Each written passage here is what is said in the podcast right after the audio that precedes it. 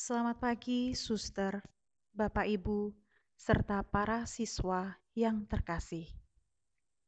Sebelum kita melanjutkan aktivitas kita dari pagi hingga malam nanti, marilah kita untuk hening sejenak, merenungkan, mendengarkan, dan melaksanakan firman Tuhan pada pagi hari ini.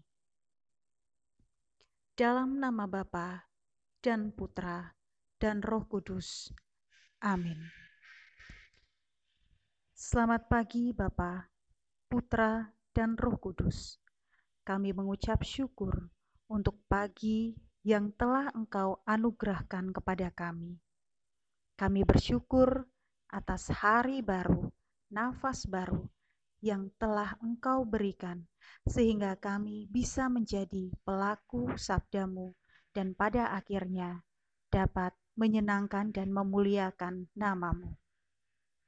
Amin. Bersabdalah ya Tuhan, hambamu mendengar.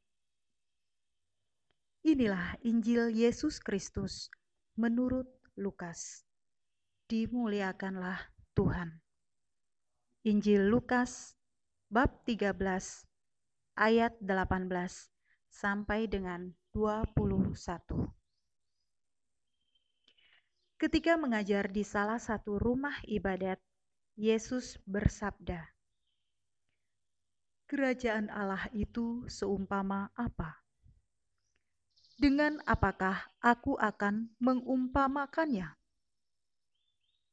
Kerajaan Allah itu seumpama biji sesawi yang diambil dan ditaburkan orang di kebunnya biji itu tumbuh dan menjadi pohon, dan burung-burung di udara bersarang di ranting-rantingnya.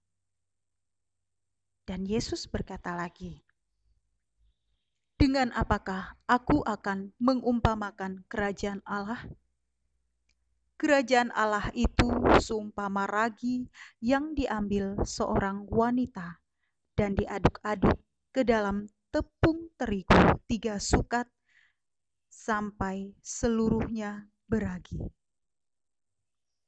Demikianlah Injil Tuhan. Terpujilah Kristus. Suster, Bapak, Ibu, serta anak-anak yang terkasih. Saling menghargai dan merendahkan diri satu sama lain merupakan kualifikasi yang amat dibutuhkan dalam keseharian hidup, terutama hidup sebagai pengikut Kristus.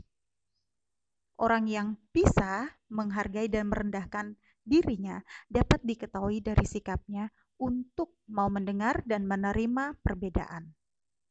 Tidak mudah bagi kita untuk mendengarkan, karena kita cenderung untuk berbicara dan terus berkata kata. Contohnya, ketika kita ditegur untuk sesuatu yang mungkin belum tepat, seperti kok tugasmu belum ya dikumpulkan? Ah, sudah, tapi kok belum saya submit? Ada banyak kata-kata ketika teguran untuk membangun kita.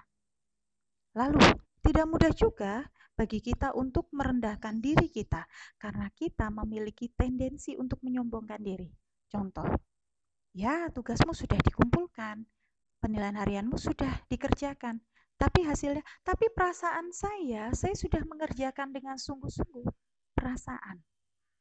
Padahal yang namanya perasaan itu, yang rasa bisa hilang. Apalagi yang ada dalam pikiran. Mari jadikanlah diri kita sebagai ragi yang dapat memberikan pengaruh kepada lingkungan kita.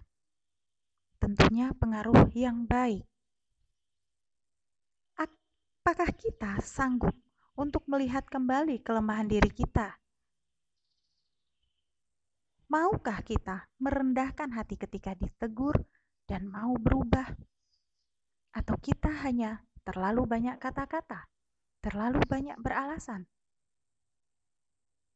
Mari kita berjuang terus untuk berbenah diri, supaya kita layak dan pantas menerima mahkota kehidupan yang sesungguhnya, yaitu kerajaan abadi bersama Bapa di surga. Amin. Bapak terima kasih atas renunganmu. Bantu kami untuk siap dan mampu. Sehingga pada akhirnya kami menemukan kehidupan bahagia abadi bersamamu di surga kelak. Bantu kami menyiapkan diri kami, bantu kami untuk merendahkan hati kami, sehingga kami jadi pribadi yang selalu memuliakan dan menyenangkan hatimu. Amin. Dalam nama Bapa dan Putra dan Roh Kudus. Amin.